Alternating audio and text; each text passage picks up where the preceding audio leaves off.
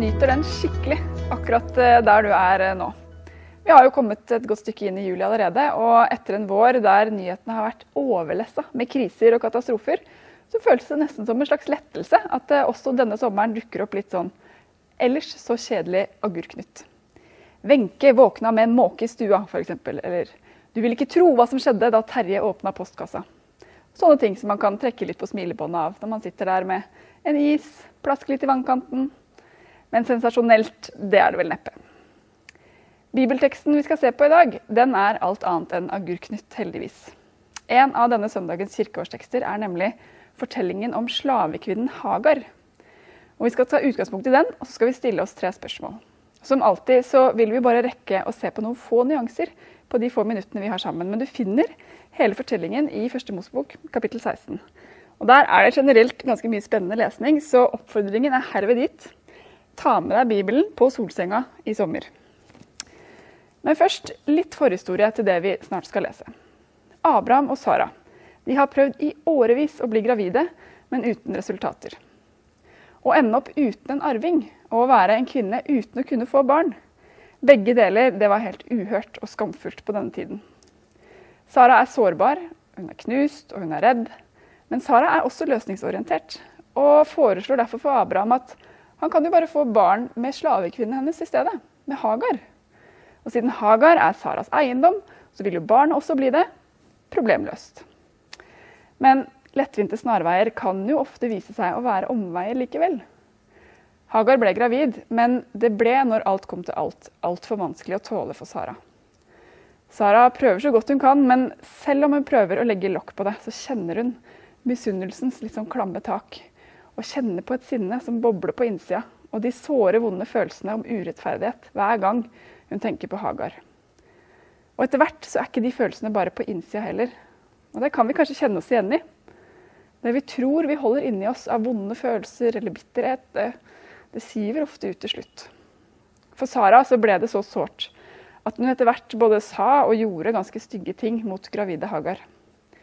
Hagar på sin side var kanskje ganske sterk, egentlig, en trygg type, men selv de sterkeste blant oss bukker under til slutt hvis orda, hvis slagene, hvis bitterheten blir for hard eller for langvarig. Så Hagar rømmer. Bort fra sjefen sin, fra huset sitt, fra vennene sine og kollegaene og ut i ørkenen. Og der, ute i ørkenen, så går vi inn i fortellingen, og vi skal se nærmere på tre spørsmål. Først hvordan møter Gud oss? Hvordan ser et spektakulært kristent liv ut? Og til slutt hvordan få til å leve det spektakulære kristne livet? Så vi starter med å lese fra første Mosebok, kapittel 16. Og der står det. Og Sara ydmyket henne, Hagar altså, så hun rømte fra henne. Herrens engel fant henne ved en vannkilde i ørkenen, ved kilden på veien til Sjur, og han sa, Hagar, Saras slavekvinne, hvor kommer du fra, og hvor går du hen? Hun svarte, jeg rømmer fra Sara, fra husfruen min. Og Herrens engel sa til henne, vend tilbake til husfruen din, og la deg ydmyke under hennes hånd. Herrens engel sa, Stor vil jeg gjøre din ett, så stor at den ikke kan telles. Så sa Herrens engel til henne, Se, du er med barn og skal føde en sønn. Du skal gi ham navnet Ismail, for Herren har hørt at du ble ydmyket. Han skal bli et villesel av et menneske. Hans hånd skal være vendt mot alle, og alles hånd mot han. Rett imot alle sine slektninger skal han slå seg ned. Da satte hun dette navnet på Herren som hadde talt til henne. Du er en Gud som ser meg. For hun sa, har jeg virkelig sett Han som ser meg? Spørsmål én i dag det er altså hvordan møter Gud oss? Men vi stopper opp litt det første ved det aller første i den teksten vi leste. For Herrens engel, hvem er egentlig det? Mange andre steder i Det gamle testamentet så kan vi lese andre fortellinger om mennesker som møter engler. Moses møter en i den brennende busken, f.eks.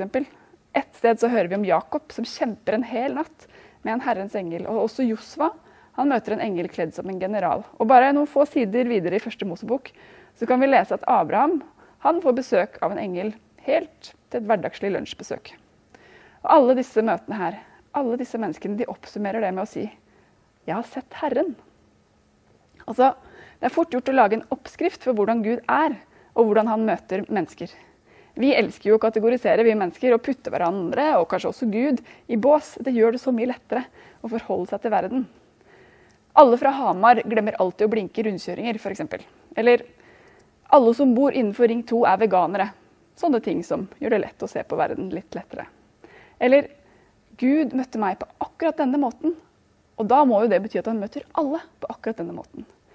Jeg møtte Gud i naturen. Det kommer han til å gjøre med deg også. Men Gud er ingen kategori. Han er heller ikke en oppskrift. Han er mer som et uregelmessig verb. Gud møter noen i de spektakulære flammene, mens andre steder helt sånn rolig over en kopp med te. Han kommer oss ofte i møte der vi minst venter det, men også der vi vanligvis er. Han kommer oss i møte både hjemme til lunsj og på flukt i ørkenen. For han er ikke langt borte fra en eneste en av oss, som vi kan lese i apostlenes gjerninger. Tilbake til Hagar. Hvordan møter så Gud Hagar i ørkenen? Dukker han opp med flammer, direktiver, proklamasjoner? Eller hvordan er det egentlig? Jeg er det man i en del personlighetstester kaller en sånn verbal processor. Dvs. Si en som prosesserer aller best gjennom å snakke seg gjennom ting. Og mer enn én en gang, og det kommer nok dessverre til å skje igjen, så har jeg kommet hjem til Halvard som jeg er gift med, etter en lang arbeidsdag og ofte til ferdig middag på bordet, faktisk. Det var litt snikskryt av han der. Så kommer jeg inn, og fra det sekundet jeg kommer inn døra, så begynner jeg å snakke om dagen min. Alt fra frustrasjoner til fremskritt, fra bagateller til budsjett, i ett kjedelig kjør. Vi spiser, jeg prater. Vi rydder opp, jeg prater fortsatt. Og først når kaffen er klar og Dagsnytt 18 er godt i gang, så kikker jeg opp på Halvard. Og så innser jeg plutselig at han har ikke fått så mye som et ordentlig blikk eller et lite spørsmål om hvordan han har hatt det den dagen. Han er jo som du skjønner, en ganske tålmodig fyr, men når denne historien gjentar seg, så kan til og med han bli ganske molefonken og føle seg litt sånn overkjørt av sånne ting. Hvordan møter Gud Hagar i ørkenen? Kommer han med infoskriv fra oven, detaljert rapport fra hvordan dagen har vært, en plan om veien videre eller noen inspirational quotes om livet? Nei, han stiller spørsmål. Og så lytter han. Vi kan lese det en gang til. Han sa, 'Hagar, Saras slavekvinne, hvor kommer du fra, og hvor går du hen?' Hvor kommer du fra, Hagar? Hvor er du på vei? Fortell meg din historie. Hvem er du? Hva er du redd for? Hva drømmer du om? Også dette mønsteret kan vi se igjen senere i andre fortellinger, når mennesker møter Gud. Ofte når Gud kommer mennesker i møte, så kommer han stille, lyttende, med spørsmål først, og med et våkent blikk. Så det, er en sannhet om Gud. Og så har jeg tenkt at det kan jo også lære meg et og annet om lytting også. Og at det kanskje kan utfordre oss alle i møte med hverandre. I stedet for, som vi ofte gjør, å fokusere på hva vi gjør. Det første vi spør, er som regel det. Hva jobber du med? Kanskje vi skal fjerne oss litt fra det, og heller spørre hverandre hvem er du? Fortell meg din historie. Så spørsmål én var altså hvordan møter Gud oss? Det fins heldigvis ikke to streker under det svaret. Gud møter oss i det stille, eller i flammene, om natta eller over lunsjbordet. Men han møter oss alltid lyttende. Så videre til spørsmål to. Hvordan ser et spektakulært kristent liv ut? Fordi Hagar Vi fortsetter der vi glapp med Hagar. Fordi hun sitter der og så forteller hun sin historie til engelen. Hun forteller om hva hun har tenkt, hva hun har følt, hvor hun er på vei, hva hun vil. Og engelen lytter, stiller oppfølgingsspørsmål, er interessert. Og det må ha vært en så befriende følelse for Hagar å få sitte der ved engelens føtter og være nær bare Gud. Være nær Gud selv. Slappe av helt i hans udelte oppmerksomhet. Kunne bare fokusere på seg selv og på Gud. Men etter en stund så sier engelen noe litt rart. For han sier, 'Hagar, vend tilbake til husfruen din.' Vende tilbake. Hagar må ha blitt litt perpleks av det. Skal jeg snu og dra tilbake nå? Nå som jeg først har kommet meg ut hit. Kan ikke jeg bare bli her ved deg? Ved brønnen, sammen med deg, Gud. Dette stedet her. Det virker som det eneste riktige stedet å være akkurat nå. Her er jo du, Gud. Det er vann her. Jeg får være helt i fred og alene med deg og med tankene mine. Det må jo være det du også har lyst til, Gud. Er det ikke det? Hvorfor skal jeg dra herfra nå? Som kristen så har jeg, og kanskje kan du kjenne deg igjen i det, i perioder falt for fristelsen av å dele opp livet i to. Det som er kristent på den ene siden, og det som ikke er der på den andre. På en måte i noe som er hellig, og noe profant, noe guddommelig, og noe som er menneskelig. Og i forlengelsen av den oppdelingen, som en slags bivirkning, så kommer ofte en idé om at jeg må velge det ene eller det andre. Og at i så fall, den eneste veien til å bli lik Kristus, det er å bli hellig. Bli så åndelig som mulig, søke innover og oppover. Og da blir alt annet der ute liksom litt sånn uviktig. Hellig det er et ord kanskje de fleste av oss bruker mest om dager om dagen. Altså om helligdager. Ofte uten at vi helt tenker så mye over betydningen av det. Ordet det er beslekta med hel, dvs. Si noe som er uskadd eller fullstendig. Og vi ser det når vi ser den engelske versjonen holy, som betyr hellig, og whole, som betyr hel. Som kristne så anser vi Jesus som den aller helligste. Helliggjørelsens aller fremste forbilde. Går vi til Johannes evangelium kapittel 17, så kan vi lese om hvordan Jesus snakker om å helliggjøre seg selv. I det kapitlet så ber han til Gud, og så sier han bl.a.: Jeg herliggjorde deg på jorden da jeg fullførte den gjerning du ba meg gjøre. Dette sier han bokstavelig talt rett før at han frivillig velger å dø på et kors på Golgata, på hodeskallestedet. Langt utenfor det rene og siviliserte i byen, og ikke minst langt borte fra det aller helligste innerst inne i tempelet. Altså, Det kan se ut som at oppdelingen av hellig og profan, menneskelig og guddommelig, det fins på en måte ikke Jesus sitt liv. Han var og er fortsatt og vil alltid være til stede midt i verden. Han trer rett inn i menneskets lidelse, lidenskap, rot og røre. Og det aller helligste, det mest spektakulære, Jesu liv, det er å være tett på, inviterende, midt i diskusjonen, i barneskriket, over matpakka, i opprøret, langs veikanten eller på middagsbesøk. Fordi han holdt seg ikke bare der inne i tempelet, i det aller helligste, eller bare med de mest åndelige veilederne. Nei, han oppsøkte de laveste, han spiste med alle, helbredet og elsket alle. Der mennesket er, der er Jesus. Jeg vil tippe mange av oss assosierer hellighet med noe ganske sånn spektakulært, overnaturlig, uforklarlig. Noe som er rent sånn åndelig. Og I så fall er det hellige og det menneskelige totale motsetninger. Men hvis du spør mor Teresa av Calcutta f.eks., så har hun sagt at hvis du vil vite hvordan en søster har det med Gud, så skal du spørre hvordan hun har det med sine medsøstre. Relasjonen til Gud og til mennesker det lar seg ikke dele opp i et sånt vertikalt og horisontalt forhold. Det kan se ut som at Jesus prøver å vise oss noe som står i veldig sterk kontrast til min og vår oppdeling av livet i noe som er hellig og noe som er menneskelig. At å bli hellig, å bli lik Kristus, det staves tilstedeværelse heller enn tilbaketrukkethet. Involvering, ikke atskillelse.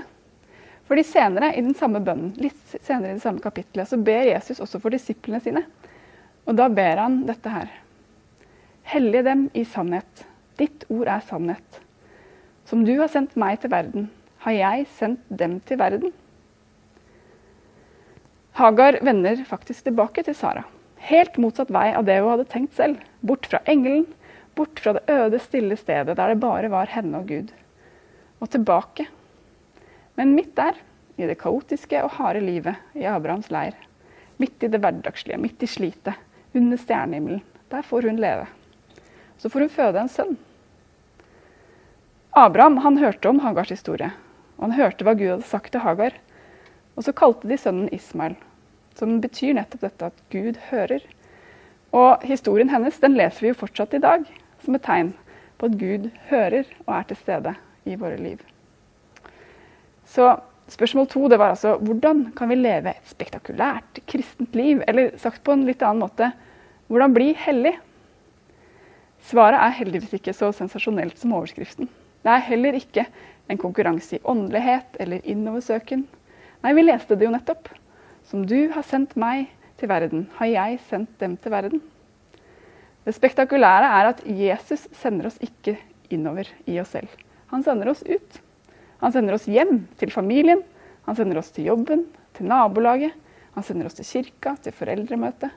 Til å søke Han gjennom å øve oss i godhet og rettferd og sannhet, som det står i Efeserbrevet. Det er det enkle, men allikevel så spektakulære. Ok, da. Men hvordan får vi det til, da, sånn egentlig? Siste spørsmål i dag det er hvordan får vi det til? Å leve det der spektakulære kristne livet. Vi leser litt videre om Hagar, fordi etter at engelen har sagt at Hagar skal vende tilbake, så sier han videre. Se, du er med barn og skal føde en sønn. Du skal gi ham navnet Ismael, for Herren har hørt at du ble ydmyket. Herren har hørt at du ble ydmyket, står det. Det står ikke 'Herren har hørt om at du ble ydmyket', som et slags sånn rykte på bygda. Noen sendte meg en snap, liksom, eller sladra litt over lunsjbordet. 'Hørte du hva som skjedde med hun der Hagar, Gud?' Nei, det står 'Herren har hørt'. Eller som navnet på sønnen hennes 'Gud hører'. Og det står heldigvis heller ikke 'Herren har hørt bønnene dine', som vi kanskje ville antatt. Jeg måtte lese det noen ganger, faktisk, fordi jeg skjønte at jeg tror nok jeg har tenkt at det er det det egentlig står. 'Herren har hørt bønnene dine'. Som i at 'ja, nå har du bedt bra, Hagar. Nå kommer jeg og hjelper deg'. Jeg har sett at du har levd et hellig og rett liv. Så derfor kommer jeg deg i møte fordi du har fortjent det, som Loreal alltid sa en gang i tiden. Både andre religioner og livsanskuelser forteller oss ofte det, nemlig. At det er vi selv som må få det til for at det skal gå bra. Altså, Du må elske Gud, du må elske mennesker, familien, naboer. Og hvis Gud ser at du gjør alt det, først da vil han velsigne deg og frelse deg. Eller som vi ofte kan høre eller tenke her i Norge, om du realiserer deg selv, tar de beste valgene, følger hjertet ditt, Først da blir du den beste utgaven av deg selv. Men evangeliet sier jo ikke dette i det hele tatt. Nei, evangeliet sier noe helt annet. I 1. Johannesbrev kapittel 4 vers 10 så finner vi et veldig berømt vers som også er overveldende radikalt. Det står ja, dette er kjærligheten. Ikke at vi har elsket Gud, men at Han har elsket oss og sendt sin sønn til soning for våre synder. Hva betyr det? Jo, Gud selv trer inn i vår verden gjennom Jesus Kristus. Gir seg selv for oss, selv om vi ikke klarer å være gode hele tiden. Selv om vi ikke klarer å elske naboen. For alle oss som ikke alltid opplever at vi klarer å elske Gud hele tiden. Vi er ikke helt moralske. Vi ber ikke alltid. Det er motsatt av alt annet rundt oss. Og derfor er det nesten helt umulig å forstå.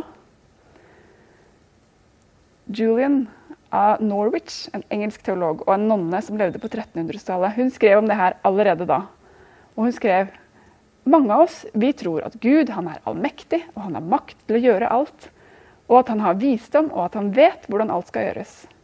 Men dette at Gud er tvers igjennom kjærlighet og er villig til å gjøre alt, der stopper vi ofte opp. Hagar hadde levd sitt liv. Det står ingenting om at hun hadde gjort seg fortjent til å bli redda. At hun hadde levd rett eller bedt nok. Jeg vil tippe for at det tok veldig lang tid for henne å se mot Sara med vennlighet i blikket, eller å tilgi henne alle de misunnelsens handlinger. Men Gud strekker seg ut og kommer henne i møte likevel. Jesus han er ikke bare en lærer som kommer, kommer, til oss for å fortelle oss hvordan vi skal leve, sånn at vi hvis vi lever på den måten, skal bli frelst. Nei, Jesus er en frelser som lever det livet vi skulle ha levd. Og så dør han den døden som vi kan ane og av og til kjenne ganske godt at vi kan ha fortjent å dø. Den dør han i stedet for oss. Han tar på seg ansvaret, straffen, lidelsen. Sånn at også vi som ikke får det til, som ikke alltid elsker, som snubler og feiler og banner og sårer andre, også vi kan bli elska. Så overskriften på dette punktet her, det var altså 'Hvordan får vi til å leve et spektakulært kristent liv'? Men det var et lurespørsmål, fordi saken er at det er ikke vi som får det til. Det er Jesus. Det handler ikke om oppførsel og hva vi gjør, men om Guds kjærlighet til oss først. Teksten om Hagar den avslutter med at hun sier om Gud at Gud er en Gud som ser. Det spektakulære det er å bli sett av Gud tvers igjennom. Forstå at selv om han ser alle mine fall, feil, forvirrede valg, på tross av alt det, så er jeg elska og en sånn opplevelse, det gjør noe med deg. Det former livet vårt, og vi innser at når vi selv er elska, da er det lettere å elske andre. Og når vi lander der, så vil vi mest sannsynlig sakte, men også helt sikkert formes til likhet. Ja.